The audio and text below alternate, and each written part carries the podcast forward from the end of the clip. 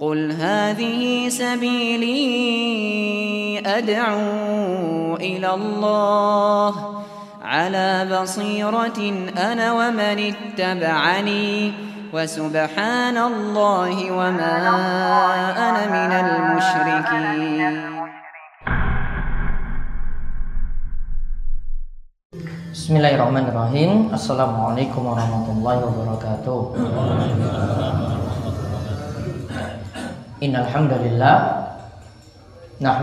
nasta'inuhu wa nastaghfiruh wa na'udzu billahi min syururi anfusina wa min sayyiati a'malina.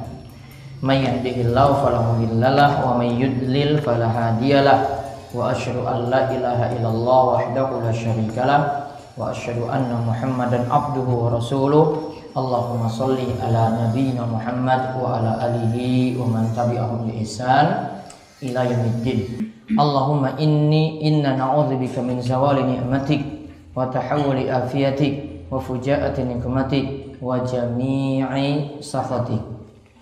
Baik uh, para jamaah sekalian, ya Bapak-bapak dan para peserta kajian kitab tauhid dua hari pada kesempatan kali ini kita kembali di kesempatan pagi hari ini mengkaji lagi pembahasan kitab Tauhid karya Syekh Muhammad bin Abdul Wahab melanjutkan bab ke-22 halaman 99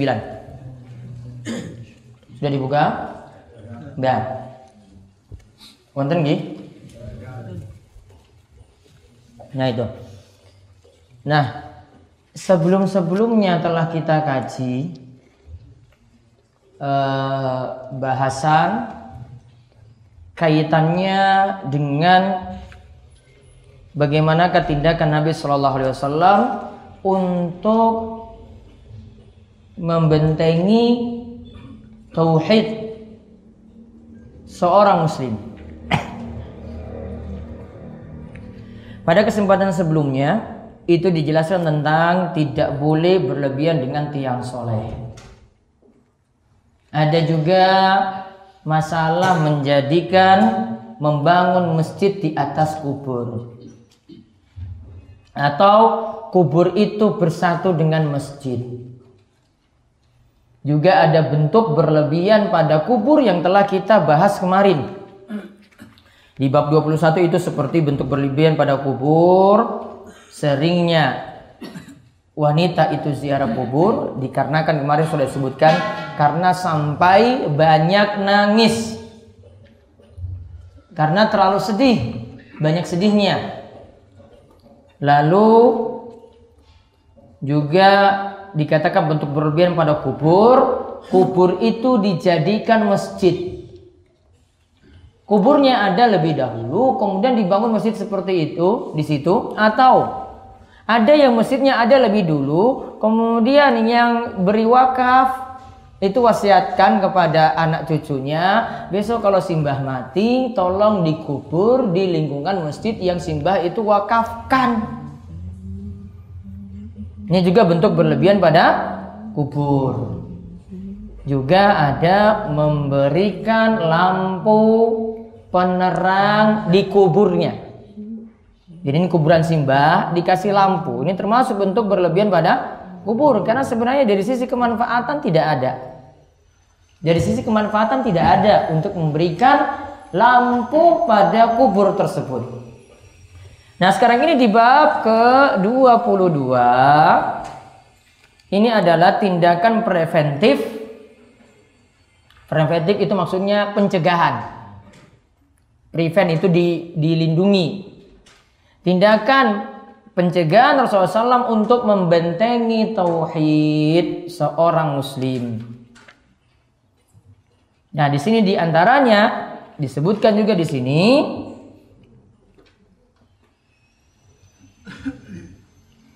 uh, ada dibicarakan tentang masalah kubur.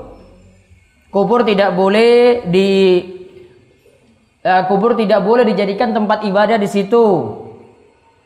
Kubur juga tidak boleh dijadikan sebagai id. Berulang kali dikunjungi terus. Ya, Kemudian tidak boleh sholat juga menghadap kubur. Dia nggak ngadap kiblat, malah hadap ke arah kubur. Atau nanti kita akan lihat penjelasan dalam uh, apa yang disebutkan oleh Syekh Muhammad bin Abdul Wahab di pembahasan kali ini. Taib dibacakan Mas Rudi. Bab Bab 22. Tindakan preventif Rasulullah Shallallahu alaihi wasallam untuk membentengi tauhid. Rasulullah Shallallahu Alaihi Wasallam senantiasa berusaha melindungi tauhid umat ini.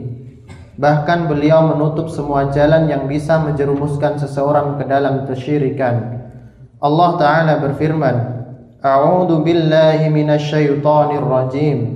Laqad ja'akum rasulun min anfusikum azizun 'alaihi ma 'anittum haridun." Ma 'anittum haridun 'alaikum bil mu'minina raufur rahim. Sesungguhnya telah datang kepada kalian seorang rasul dari kaum kalian sendiri. Terasa berat olehnya penderitaan kalian. Dia sangat menginginkan keimanan dan keselamatan bagi kalian. Dia juga amat belas kasihan dan penyayang terhadap orang-orang mukmin. Quran surat At-Taubah ayat 128. Baik. Di sini dikatakan kalau bahasa Arabnya judulnya bab majaa fi himayatil mustafa sallallahu alaihi wasallam tauhid wasaddahu kulla tariqin yusilu ila syirki.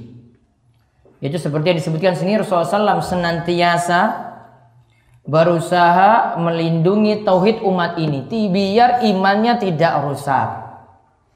Biar tauhidnya tidak rusak. Bahkan beliau nutup menutup semua jalan yang bisa menjerumuskan seseorang yaitu menjerumuskan kita setiap muslim agar ditutup jalan apa pun yang menuju kesyirikan itu ditutup. Ini bukan syiriknya saja loh ini. Namun segala jalan menuju kesyirikan itu ditutup. Dan ini dapat dibuktikan dari surat At-Taubah ayat 128. Di sini disebutkan, laqad ja'akum rasulun min anfusikum azizun 'alaihi ma anittum harisun 'alaikum bil mu'minina raufur rahim. Sesungguhnya telah datang kepada kalian seorang rasul. Rasul itu diutus dari kaum kalian sendiri. Terasa berat olehnya penderitaan kalian. Rasul itu tahu umatnya itu butuh sesuatu. Dan Rasul itu sangat menginginkan keimanan dan keselamatan bagi kalian. Dia juga amat belas kasihan dan penyayang terhadap orang-orang beriman. Di garis bawahi kalimat, dia sangat menginginkan keimanan dan keselamatan bagi kalian. Berarti menginginkan keimanan dan keselamatan bagi kita itu apa maksudnya? Ingin tauhid kita selamat, ingin iman kita selamat. Agar kita tidak terjerumus dalam perbuatan syirik. Jadi Rasul bentengi ini. Ini belum melakukan syiriknya loh. Namun dicegah dulu. Ini syirik di sini. Ini perantara-perantara menuju syirik nanti sampai syirik. Nah, dihalangi di sini. Jangan sampai melakukan perbuatan syirik. Ini kita tidak membahas syirik di sini, namun perantara menuju syirik. Perantaranya, jalannya menuju syirik ini sudah dicegah oleh Rasul SAW. Tanda Rasul itu sayang pada kita orang beriman, supaya iman kita itu selamat. Jadi bisa ditulis tanda Rasul menyayangi kita. Tanda Rasul itu menyayangi kita.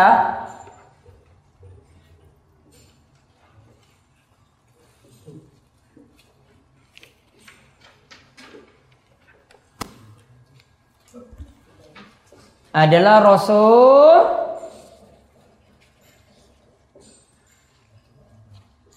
melarang dari perantara-perantara dari perantara-perantara menuju kesyirikan.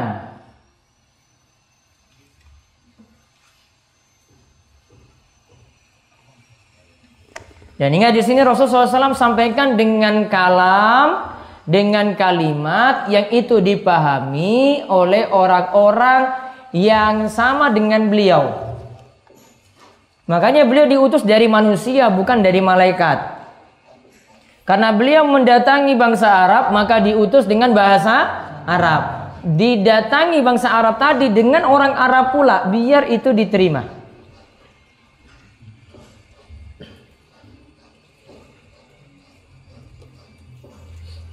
Berarti di sini Bapak sekalian, para jamaah sekalian, tanda kalau mau tahu dakwah itu benar, Bagaimanakah seorang kiai, seorang ustadz, ulama itu menyampaikan dakwah yang benar? Berarti dia peduli sesuatu yang sangat-sangat bahaya yang akan menimpa umatnya, yaitu peduli pada perbuatan syirik. Pedulinya gimana? Syiriknya itu diingatkan, bukan dibiarkan, bukan malah didukung, bukan malah disupport, bukan malah didorong. Ayo,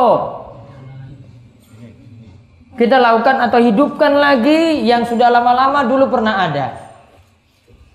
Bukan seperti itu. Namun dia ingatkan, oh ini salah. Harus diingatkan, tidak dibiarkan. Ya, ini tanda dai yang memperhatikan dakwah yang benar seperti itu. Jadi yang kemarin kita bahas ketika malam kemis di sini, ya, ketika bahas surat Yasin, tidak cukup cuma menyampaikan tentang hal baik saja yaitu memanage hati gimana, menata hati bagaimana, biar bersyukur itu seperti itu. Tidak cukup seperti itu. Itu perlu. Namun hal-hal yang jelek juga perlu diingatkan. Terus ayat yang kedua, eh, dalil yang kedua. Abu Hurairah radhiyallahu anhu menuturkan bahwa Rasulullah shallallahu alaihi wasallam bersabda, "La taj'alu buyutakum kuburan, wa la taj'alu qabri iddan, wa sallu alayya fa inna salatukum tablughuni haitsu kuntum." Janganlah kalian menjadikan rumah-rumah kalian sebagai kubur. Janganlah kalian menjadikan kuburku sebagai tempat perayaan Bersolawatlah kepadaku karena sesungguhnya solawat kalian akan sampai kepadaku di mana pun kalian berada Nah, di, ya Hadis riwayat Abu Dawud ya. Lihat di garis bawahi kalimat janganlah kalian menjadikan kuburku sebagai tempat perayaan. Janganlah kalian menjadikan kuburku sebagai tempat perayaan atau kita sebut dengan Id. Id itu memang hari raya, namun para ulama itu katakan id itu ada dua makna Bapak sekalian. Id itu bisa maknanya sesuatu yang berulang dilihat dari tempatnya yang kedua dilihat dari waktu jadi sesuatu yang berulang dilihat dari tempat atau dilihat dari waktu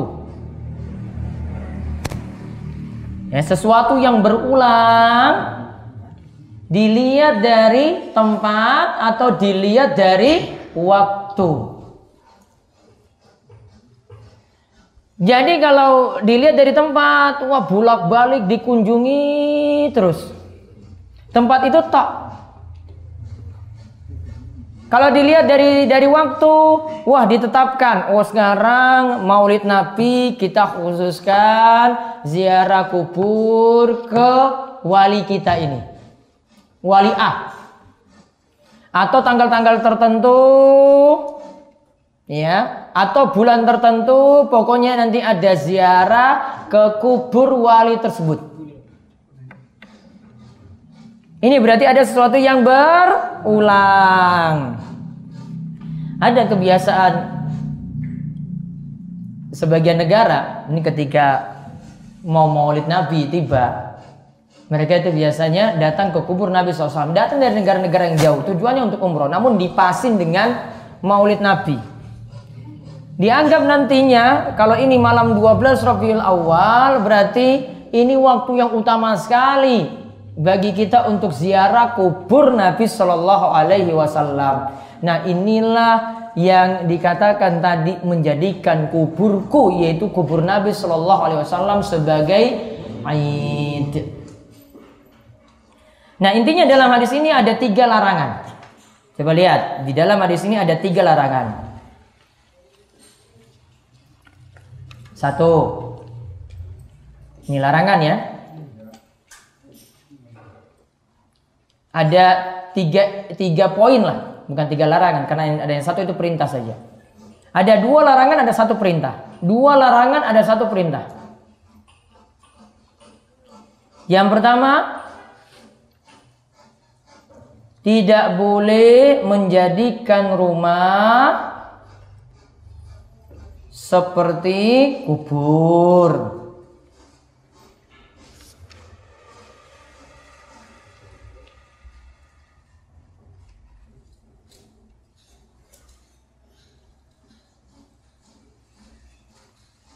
Coba diulang tadi apa? Tidak boleh menjadikan rumah seperti kubur. Maksudnya, ditulis lanjutannya, maksudnya Jangan sampai tidak ada sholat dan tidak ada ibadah di dalam rumah. Jangan sampai tidak ada sholat dan tidak ada ibadah di dalam rumah.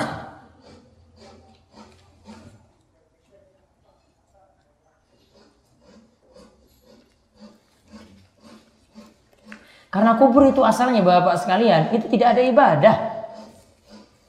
Kecuali kita datangi kubur, kemudian mendoakan penghuni kubur.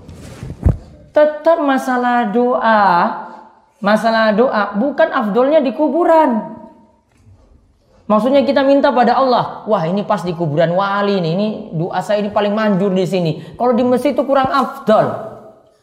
Wah saya pergi di Masjid Wara itu nggak ada lebih afdal daripada kubur ini. Nah kalau punya keyakinan kubur itu yang jadi sebab doanya itu terkabul, nah itu masalah.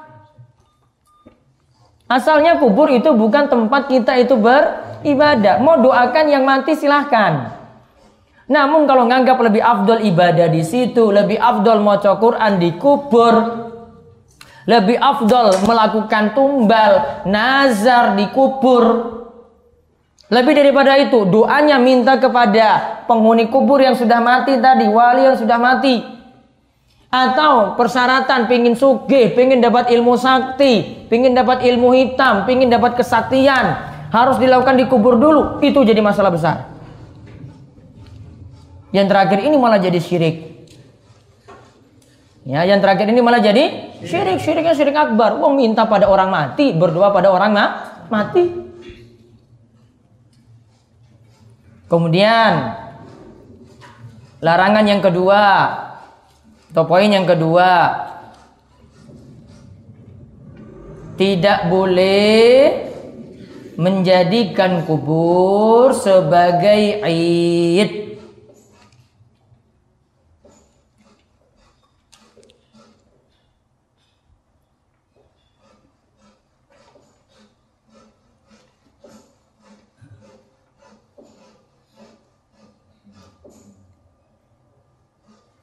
Maksudnya diberi catatan situ, maksudnya tidak boleh meyakini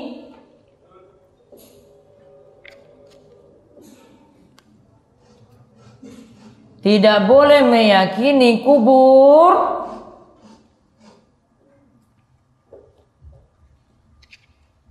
Dijadikan tempat ibadah yang paling afdol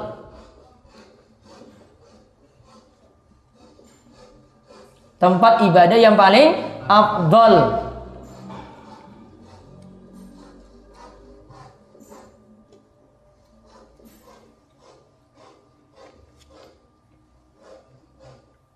Nah, saya sebutkan di sini ini tentang kalimat ibadah di masjid tetap lebih afdol daripada di kubur.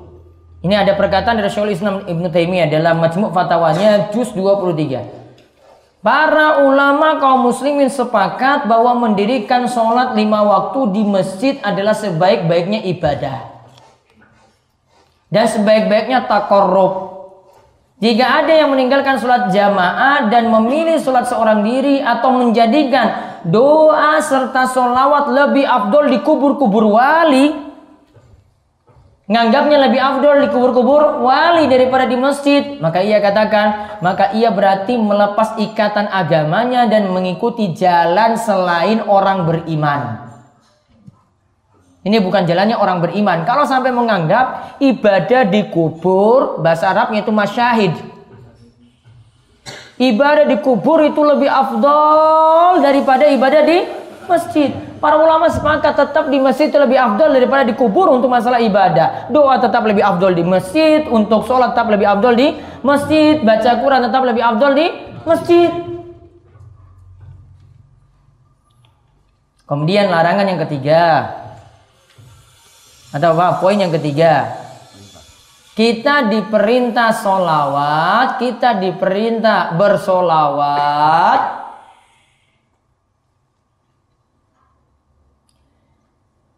Di mana pun kita berada. Kita diperintah bersolawat di mana pun kita berada. Walaupun jenengan tidak di depan kubur Nabi, tidak di dekat Nabi SAW, solawat itu akan nyampe. Ada perkataan saking Ibnu Taimiyah. Fasolatu tasilu ilaihi minal ba'id kama tasilu ilaihi minal qarib. Solawat itu tetap sampai kepada Nabi SAW dari orang yang jauh sama seperti dari orang yang dekat. Sampai Ibnu Taimiyah itu mengatakan, "Fama anta wa rajulun bil Andalus minhu illa sawa." Engkau itu dan orang yang berada di Andalus sana. Engkau dan orang yang berada di Andalus sana. Itu sama dalam sampainya solawat. Sama dalam sampainya solawat. Mau kita di Indonesia dengan orang yang ada di Andalus, Andalus itu Spanyol. Ya, itu tetap sama kata Ibnu Taimiyah. Yang sana kirim solawat, yang situ kirim solawat juga sampai pada Nabi Sallallahu Alaihi Wasallam. Sama seperti sabda Nabi SAW di sini. Wasallu alaiya berselawatlah untukku karena selawat kalian akan sampai kepadaku. Hai sukuntum di mana saja engkau berada di tengah hutan pun berselawat pada Nabi SAW nyampe. Gak mesti di depan kubur nah, Nabi. Terus hadis yang berikutnya lagi. Ali bin Al-Husain radhiyallahu anhu melihat seseorang yang mendatangi celah yang ada pada kubur Nabi sallallahu alaihi wasallam. Orang itu lantas masuk di dalamnya dan berdoa. Ali pun segera melarangnya dan mengatakan, Maukah engkau kuberitahu dengan sebuah hadis yang kudengar dari bapakku, dari kakekku bahwa Rasulullah sallallahu alaihi wasallam bersabda, "La tattakhiduni qabri iddan wala buyutakum kuburan wa sallu alayya fa inna taslimakum yablughuni aina kuntum Janganlah kalian menjadikan kuburku sebagai tempat perayaan dan jangan pula menjadikan rumah-rumah kalian sebagai kubur. Bersolawatlah kepadaku karena ucapan selamat kalian akan sampai kepadaku di mana pun kalian berada. Taib, lihat. La tattakidu qabri idan. Lihat kalimat sebelumnya, ini Ali bin Al-Husain. Ali bin Al-Husain itu berarti cucu dari Ali bin Abi Thalib. Ali bin Abi Thalib itu punya anak Hasan dan Husain kan? Anak dari Husain itu namanya Ali juga. Jadi nama putune sama dengan nama Simbah. Berarti cicit dari Nabi Shallallahu Alaihi Wasallam.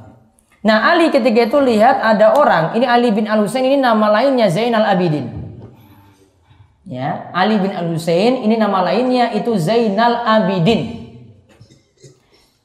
Ali bin Al Husain itu melihat seorang yang mendatangi celah yang ada pada kubur Nabi Sallallahu Alaihi Wasallam. Ini ada celah yang ada di kubur Nabi Sallallahu Alaihi Wasallam. Orang itu lantas masuk di dalamnya dan berdoa di situ. Dia punya keyakinan berdoa di kubur Nabi SAW itu lebih afdol dari tempat yang lainnya. Maka ketika itu Ali pun segera melarangnya dan mengatakan, maukah engkau ku beritahu sebuah hadis? Yang aku dengar dari bapakku yaitu bapaknya siapa berarti? Usain. Yang dia dengar dari kakekku yaitu kakeknya siapa? Ali. Bahwa Rasulullah SAW bersabda janganlah engkau menjadikan kuburku sebagai id jangan pula engkau menjadikan rumahmu seperti kubur wasallu alayya fa inna taslimakum aina kuntum ya dan bersalawatlah kepadaku karena salawat kalian itu akan sampai kepadaku di mana saja kalian itu berada. Berarti sama ya seperti maksud hadis tadi. Namun ingat di sini ada pelajaran penting Zainal Abidin tadi larang orang yang masuk kubur Nabi untuk berdoa di situ. Padahal ini dari keturunan Hussein. Di atasnya Ali bin Abi Thalib. Padahal Husain dan Ali ini sangat diagung-agungkan sekali oleh sebagian kalangan. Yaitu diagungkan oleh orang Syiah. Ternyata yang dilakukan oleh orang Syiah malah itulah orang-orang yang jadi penyembah kubur. Orang Syiah itu bentuk berlebihan mereka dalam beragama itu terlalu berlebihan dalam mengagungkan kubur. Mereka itu punya kebiasaan kubur itu dijadikan tempat untuk sujud, Berdoa juga meminta kepada kubur. Semua pelanggaran-pelanggaran tentang kubur itu mereka lakukan. Padahal yang larang di sini ini orang yang mereka ngagungkan, yaitu yang meriwayatkan hadis ini di antaranya Ali bin Abi Thalib. Mereka nggak baca hadis ini, atau mungkin menganggap seperti ini hadis ini masalah. Ya, tidak mau memakai hadis ini. Padahal hadis ini membantah amalan-amalan mereka langsung tidak boleh berlebih-lebihan pada kubur termasuk pada kubur Nabi SAW. Nah, untuk kejelasannya kita lihat kandungan bab. Kandungan bab. Yang pertama, tafsir surat Baroh ayat 128. Baroah. Baroah ayat 128. Tulis Baroah itu nama lain dari surat At-Taubah. Surat Al-Baroah itu sama dengan surat At-Taubah. Baroah itu nama lain dari surat At-Taubah. Lagi ngerti toh? Hmm. Karena dalam awal surat disebutkan bara'atum minallahi wa rasulih. Maka disebut surat At-Taubah juga dengan al-baro'ah karena diawali dengan kalimat baro'ah berlepas dirinya Allah dan Rasulnya kepada orang-orang munafik. Terus yang kedua. Dua. Rasulullah berusaha untuk menjauhkan umatnya dari perbuatan syirik sejauh-jauhnya. Rasul SAW berusaha menjauhkan umatnya dari perbuatan syirik, dijauhkan sejauh-jauhnya. Yang ketiga, tiga, Rasulullah sangat menginginkan agar kita beriman dan selamat. Beliau juga sangat belas kasihan dan penyayang kepada orang-orang beriman. Rasulullah SAW sangat menginginkan agar kita beriman dan selamat. Beliau juga sangat belas kasihan dan penyayang kepada orang-orang beriman. Tanda penyayangnya, syirik ini bukan hanya dilarang syiriknya saja, namun segala perantara menuju syirik itu beliau larang. Yang keempat, empat Rasulullah melarang kita untuk menziarahi kuburnya dengan cara-cara tertentu padahal ziarah ke kuburan beliau adalah amal yang mulia. Ziarah ke kubur Nabi itu boleh termasuk yang dianjurkan. Ya, termasuk yang dianjurkan. Namun ingat, tidak boleh pakai ritual khusus. Apakah saya perlu baca-baca sholawat sampai seribu kali di kubur Nabi SAW? Tidak. Apakah saya harus berdoa itu hadap ke kubur Nabi SAW? Juga tidak. Kalau untuk kubur Nabi nggak boleh ada cara-cara tertentu untuk ziarah kubur, amalan-amalan tertentu, apalagi kubur orang yang bukan Nabi. Ya, ini baru kubur kanjeng Nabi loh ini. Masa ada yang lebih mulia daripada kanjeng Nabi? Sehingga kuburnya lebih istimewa. Sehingga pakai amalan-amalan tertentu di selain kubur Nabi. Kalau kubur Nabi itu nggak boleh. Kan mustahil sekali. Uang kubur Nabi harusnya itu tidak boleh. Yang lainnya juga lebih pantas tidak boleh. Masa nggak boleh baca amalan-amalan tertentu di kubur Nabi? Kok yang kubur lain boleh? Kan aneh. Kalau kubur Nabi nggak boleh, apalagi kubur yang lainnya. Paham gak Bapak nggih? Ini saya nggak usah sebut amalannya, jenengan sudah paham sendiri loh ini. Masyarakat punya amalan-amalan yang khusus, apalagi kalau kau kubur-kubur para wali. Saya nggak usah sebut, nggak usah sebut banyak-banyak di sini. Wes paham amalannya itu apa. Kalau amalan seperti itu tidak boleh dilakukan di kubur Nabi, apalagi kubur orang-orang yang tidak ada predikat Nabi. Gak usah saya sebut amalannya, ngapain? Capek nyebut amalannya itu, amalannya banyak sekali kok. Hah? Sama. Wong kuburannya Nabi saya nggak boleh apalagi kuburan ustadz apalagi kuburan kiai. Sama. Nabi nggak boleh, masa yang dibawa boleh? Wah, saya harus datang ke kubur kubur ini harus nunduk dulu gitu, nunduk pelan-pelan sampai di situ mau sholawat se, sampai di situ baca surat ini, sampai di situ baca kitab ini, sampai di situ baca ini ini ini, tawasul dulu baru isi doa disebutkan. Kalau tidak ada untuk Nabi seperti itu, kubur yang lainnya lebih tidak pantas lagi. Masa ada yang lebih afdol daripada kanjeng Nabi? Kalau ada yang bilang seperti ini, ada yang lebih afdal pada kanjeng Nabi. Hati-hati kuarat loh ini. Ya, ada yang berani nganggap, wah tetap wali saya itu lebih afdol daripada kanjeng Nabi. Wah kiai saya itu lebih utama daripada kanjeng Nabi. Wah, wah kiai saya itu bisa katanya sholatnya itu di Mekah langsung. Wah sakti tenan iki. Jumatan yang Mekah langsung loh. Katanya bareng Syekh Abdurrahman As-Sudais. Padahal uh, Jumatan ini nggak ada Syekh Abdurrahman As-Sudais. Goro meneh coba.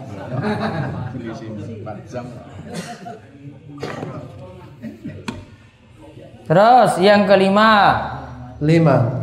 Rasulullah melarang terlalu sering ziarah kubur. Nah, ada yang lakukan ziarah kubur itu pakai tanggal-tanggal tertentu pakai bulan tertentu termasuk juga ke kubur-kubur tiang soleh. Ke kubur-kubur orang so soleh hati-hati. Itu namanya menjadikan kubur sebagai aid beri keterangan situ. Itu artinya menjadikan kubur sebagai id. Bulak balik datang di situ. Setiap bulan itu terus. Setiap tanggal itu terus Mau namakan haulan, mau namakan apa pun kalau itu berulang kali hati-hati. Ini sudah diingatkan oleh kanjeng Nabi. Terus yang keenam. Enam. Rasulullah menganjurkan kita untuk mengerjakan sholat sunnah di rumah. Rasul SAW menganjurkan kita mengerjakan sholat sunnah di rumah. Apa dalilnya tadi? Karena tidak boleh menjadikan rumah seperti kuburan. Berarti isilah rumah tadi dengan sholat. Paling mungkin bapak-bapak lakukan sholat sunnah di rumah. Karena sholat wajib sudah di masjid nggih, maka sholat sunnah sunnah dijadikan di rumah. Sholat duha, tahajud, ada ada sholat rawatib jadikan di rumah. Kalau tidak, rumahnya jadi seperti kubur. Isinya gur sinetron, nyanyi-nyanyi, campur sari, dangdut, melihat aurat, buka-bukaan.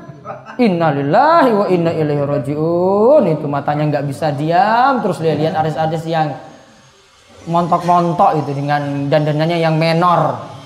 Bojone ora didelok, lihat artis terus. Wah, bojoku ki wis. Karena banding-bandingkan dengan perempuan lain yang ada di TV. Coba kalau nggak nyetel TV, wah tetap istriku tetap lebih ayu. Karena banding-bandingkan dengan yang penyanyi-penyanyi dangdut. Ya, yang nyawer-nyawer itu tadi. Ya. Masalah. Mau ting-ting kayak tengtong kayak apa kayak. Terus.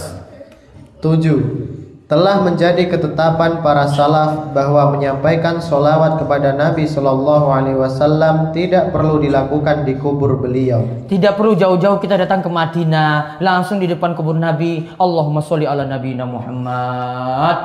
Allahumma sholli alaihi. Enggak perlu. Jenengan dari Wara, dari Imogiri, dari Gunung Kidul, tekan kono lo gratis. Ya, nggak perlu pakai biaya sampai berapa kalau pergi ke sana minimal? 25 juta nggak perlu. Iki saya kilo selawat. Sallallahu alaihi wasallam. Iki wis tekan kono loh kok mikirnya kayak angel banget ya harus datang dulu ke sana depan kubur Nabi mau solawat panjang. Allahumma sholli ala Muhammad depan kubur Nabi terus saat jam di situ. Tapi nggak mungkin saat jam di situ loh lama-lama di situ malah dipentung sama polisi karena nggak boleh Polisi itu larang lama-lama di situ, suruh pergi, ayo, ayo jalan, jalan, jalan. Yang biasanya ngeyelannya cuma orang Indonesia saja. Arak nengkono terus ya Allah. Nggak ada ke kubur Nabi padahal berlawanan dengan arah, arah kiblat loh itu. Ada ke kubur terus ya Allah gitu. Polisi sudah marah-marah di sana itu. Eh, eh, jalan, jalan, jalan, jalan, jalan, jalan, jalan, jalan. Dia bilang roh, roh, roh, pergi, pergi, pergi, pergi, pergi. Karena nggak boleh.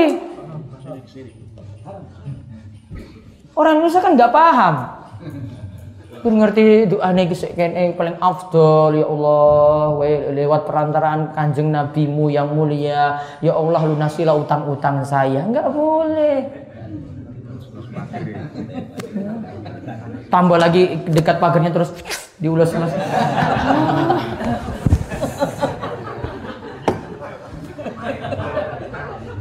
ini baru pagarnya loh belum kuburnya loh Padahal sama dengan pagar itu juga loh bentuknya. Duh, di wong Indonesia, gimana orang ngaji ki kaya ngono terus ning kono iki. Aku ki isin banget di karo wong Saudi dilihat Indonesia kayak gitu. Apa itu bangsamu, Mas? Iya, itu wong Indonesia ya.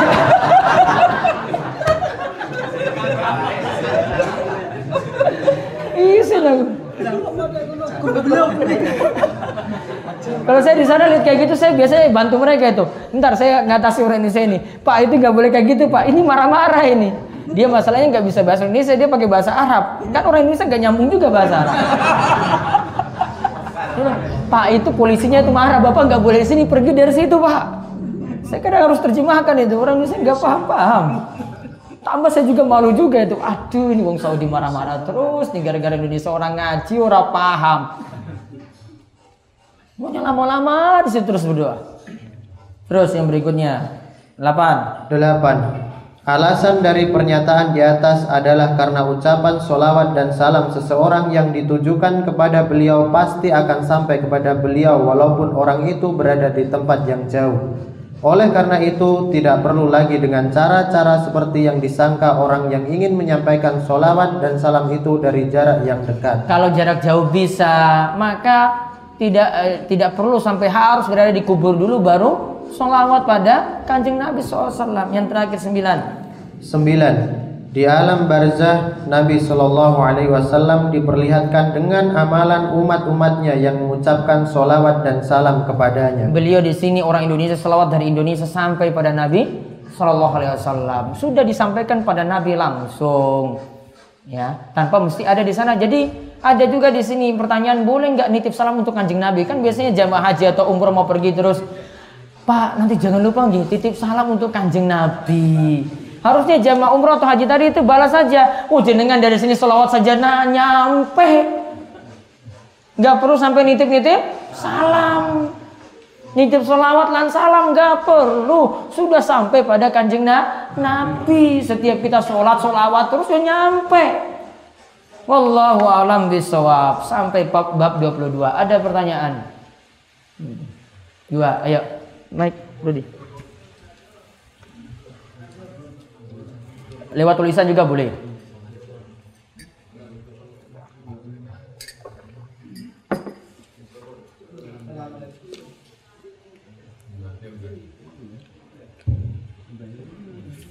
Assalamualaikum warahmatullahi wabarakatuh. Waalaikumsalam warahmatullahi wabarakatuh.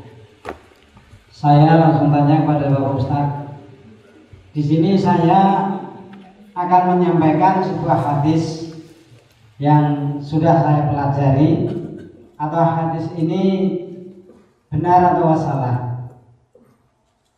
Bersumber dari Nabi Hurairah Rasulullah SAW, ia dari Nabi Muhammad SAW. Sesungguhnya Allah mempunyai malaikat yang mulia-mulia diberi tugas untuk selalu mengikuti di dalam majelis yang digunakan untuk berzikir menyebut keagungan Allah. ketika para malaikat menjumpai suatu majelis yang digunakan dan zikir kepada Allah mereka bersama-sama duduk di tempat majelis itu dan mengepung melingkari dengan membuka kedua sayapnya masing-masing di tempat itu. Hingga antara langit dunia dipenuhi mereka. Ketika majelis itu sudah selesai dan bubaran kemudian malaikat-malaikat itu naik ke langit. Maka Allah yang mengetahui bertanya kepadanya dari mana kamu sekalian ini? Kemudian para malaikat itu seraya menjawab kita sekalian ini dari hamba engkau yang berada di bumi yang bersama-sama berkumpul membaca tasbih uh, tasbih takbir tahlil dan takbir pertanyaan saya apa yang disebut zikir untuk digunakan yang diaturkan pada malaikat tersebut. Terima kasih. Wassalamualaikum Nah, warahmatullahi coba wabarakatuh. bukunya tadi, Pak. Ya. Ini kitab kuning ini.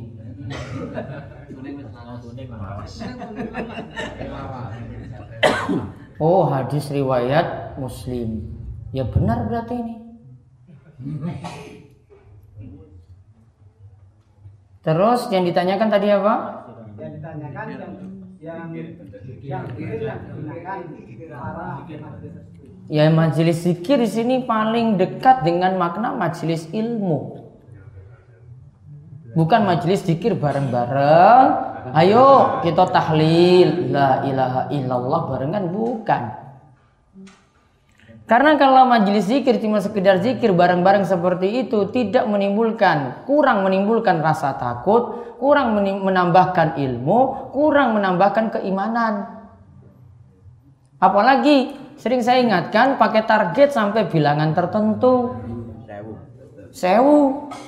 La ilaha illallah, la ilaha illallah. Iki wis normal toh? Lagi normal loh iki. Namun kalau sudah di atas 100 biasanya jadi berubah. La ilaha illallah, la ilaha illallah, illallah, illallah, illallah, illallah. Ha, ha, ha, ha, ha, ha. Uhu, uhu, uhu. Iya kan?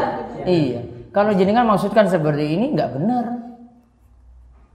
Ya, maka tidak dimaksudkan majelis zikir secara mutlak, bukan seperti itu. Majelis zikir yang paling afdol ya ini majelis ilmu.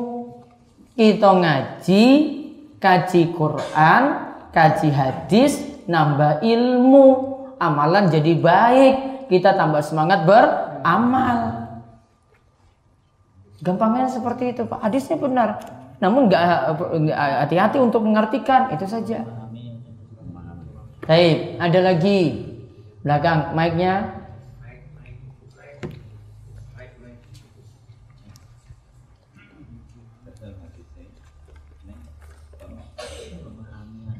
Assalamualaikum warahmatullahi wabarakatuh. Waalaikumsalam warahmatullahi wabarakatuh. saya Ustaz agak panjang sedikit. Masih berkaitan dengan ziarah kubur di mana sudah saya tanyakan kepada golongan mereka yang sering melaksanakan ziarah kubur. Jadi mereka punya keyakinan dan mereka punya kitab mengatakan orang tua itu hakikatnya ada tiga. Satu, orang yang melahirkan, melahirkan kita. Yang kedua, mertua kita. Dan yang ketiga adalah orang yang memberikan ilmu atau pengetahuan atau guru-guru kita. Terus Ya. Setelah setelah mereka keyakinan seperti, seperti itu, maka mereka ingin menjadi anak yang soleh. ya. Setelah itu mereka setelah guru-gurunya meninggal itu niatnya ingin mendoakan gurunya karena termasuk dianggap orang tua. Kemudian agar kita juga dikatakan sebagai anak yang soleh karena sebagai murid karena sebagai murid baik. ya karena hakikatnya orang tua yang ketiga tadi termasuk guru. Kemudian juga mendoakan langsung meminta kepada Allah, ya Allah berikanlah ampunan kepada guru-guru saya. Kemudian semoga diberikan nikmat kubur, dijauhkan dari siksa kubur. Kemudian berpikir seperti amalan-amalan yang pada umumnya dilaksanakan, Al-Fatihah dan lain-lain sampai tahlil itu tadi. Nah, keyakinan seperti itu kira-kira karena ini nanti akan mengembang gurunya punya gurunya lagi punya gurunya lagi sampai kepada wali lah terus terang gitu. Dan saya mohon dijelaskan dengan keyakinan seperti ini kira-kira ada arah yang mengarah kepada perantara syirik atau saya. tidak? Iya, saya nggak ambil permisalan tadi. Permisalannya biasa saja, nggak terlalu ini. Namun apakah benar realita yang terjadi mereka cuma mendoakan yang sudah mati saja ya Allah ampunilah dia ya Allah uh, lapangkanlah kuburnya berikanlah dia nikmat kubur jauhkanlah siksa kubur apa titik sampai situ kalau secara debat atau pertanyaan jawaban mereka seperti itu oh enggak tetapi mungkin. keyakinannya setelah saya dalami mereka punya keyakinan bahwa di kubur gurunya dia merasa lebih abdul. Nah itulah dan pasti dikabulkan oleh Allah. Nah itu kenyataan yang di lapangan. Tetapi kalau diajak debat seperti itu. Iya itu kan okay. namanya cari-cari alasan biar nggak disalahkan. Jadi bukan di situnya, itu sudah betul tadi itu. Itu kalimat halusnya kayak gitu, itu betul dia. Namun pas lanjutannya, bu realitanya gimana dikubur? Nggak mungkin kan seperti itu. Ngapain saya jauh-jauh dari sini saya saya doakan uh, guru saya langsung ya Allah ampunilah dia bisa kok. Namun kan pasti ada keyakinan tadi itu tambahan tadi berdoa di kubur itu lebih afdal. Itu ini yang kita bahas tadi. Dan keyakinan yang lebih parah lagi Ustaz, mereka menganggap bahwa di kubur guru mereka itu akan mendapatkan berkah yang sangat besar. Nah, keyakinan yang paling banyak Ustaz. Demikian. Jangan cuma nganggu-nganggu saja. Oh gitu ya, oh gitu. Itu aja. Mau ngajak dia aja tetap ngil-ngilan kok. Karena ini sudah mendarah daging bagi dia, sulit untuk berubah. Ya, sudah sulit untuk berubah. Kecuali dia datang majelis ilmu pelan-pelan hatinya mau dibuka gitu. Makanya kemarin yang kita pelajari dalam surat Yasin, ya uh, kemarin ayat berapa 5 sampai 11 itu ya hmm. apa tadi min wa min khalfihim saddau fa akshaynahum awalnya gimana Bapak kok lupa ya yasinan kok dulu Nah, wa ja'alna min baini aydihim saddau wa min khalfihim saddau fa saddau fa akshaynahum fahum la yubsirun. Ibaratnya orang itu seperti ini di ayat ini. Yaitu mereka jadikan di depannya itu ada tembok. Belakangnya ada tembok. Sehingga tertutup dari dunia luar. Gak mau buka hati. Akhirnya dia cuma tahu yang dalamnya cuma dia saja yang benar. Ada yang ini ngomong itu, wah itu keliru seperti itu. Ini dalilnya kayak gini, nggak mau pedulikan. Jadi seperti itu keadaannya. Dia sudah jadikan depannya tembok, belakangnya itu tem tembok. Fa'akshainahum. Allah tutup itu semuanya bagi mereka. Sampai tidak bisa melihat mana yang benar, mana yang batil. Keadaannya seperti itu. Makanya kalau ingin tahu kebenaran harus membuka diri dulu. Namun kalau keyakinan saya masih, ah saya ini tetap saya kokoh ini. Saya yang paling benar Gak mau buka lihat kanan kiri, gak mau dia saja. Keadaan mereka seperti itu, Pak. Maka tembok ini dirobohkan dulu. Penghalang yang ada di depan, yang di belakang, yang ngunci mereka semuanya dirobohkan dulu. Baru bisa masuk, hatinya baru terbuka. Seperti itu keadaannya kalau orang nolak kebenaran. Paham ya? Ada lagi. Satu lagi. Dua. Dua dulu.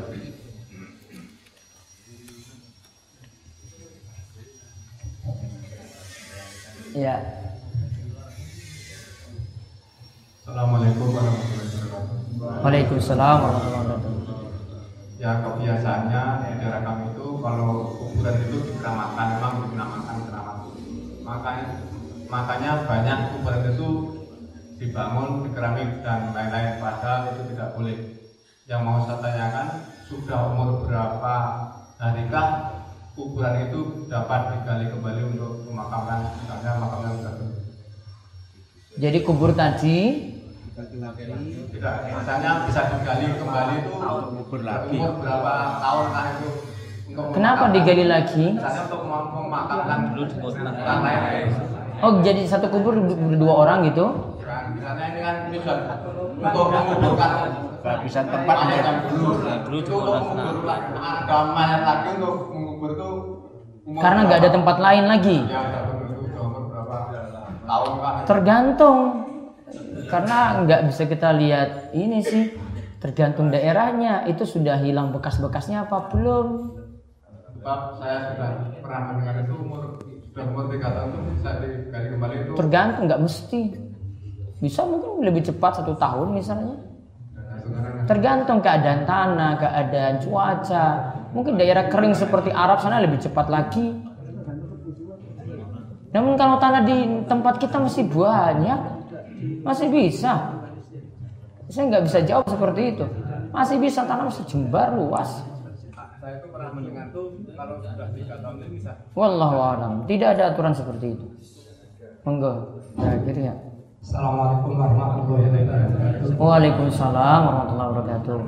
Mengenai adab-adab ziarah ziarah kubur, mohon penjelasan langkah apa atau kegiatan apakah yang bisa dilaksanakan dalam ziarah kubur ataukah mendoakan meluangkan warhamhu dan seterusnya ataukah hanya merasakan oh besok aku akan ke situ juga terima kasih assalamualaikum warahmatullahi wabarakatuh. Ya itu tadi doanya satu.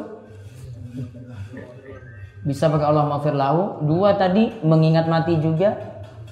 Doanya yang lebih khusus lagi. Assalamualaikum warahmatullahi wabarakatuh. muslimin wal mu'minin. Lihat di buku Bulughul Maram. Sudah punya atau enggak? Uji. Sudah kan? Nah, dulu kita pernah bahas kitabul janais itu loh.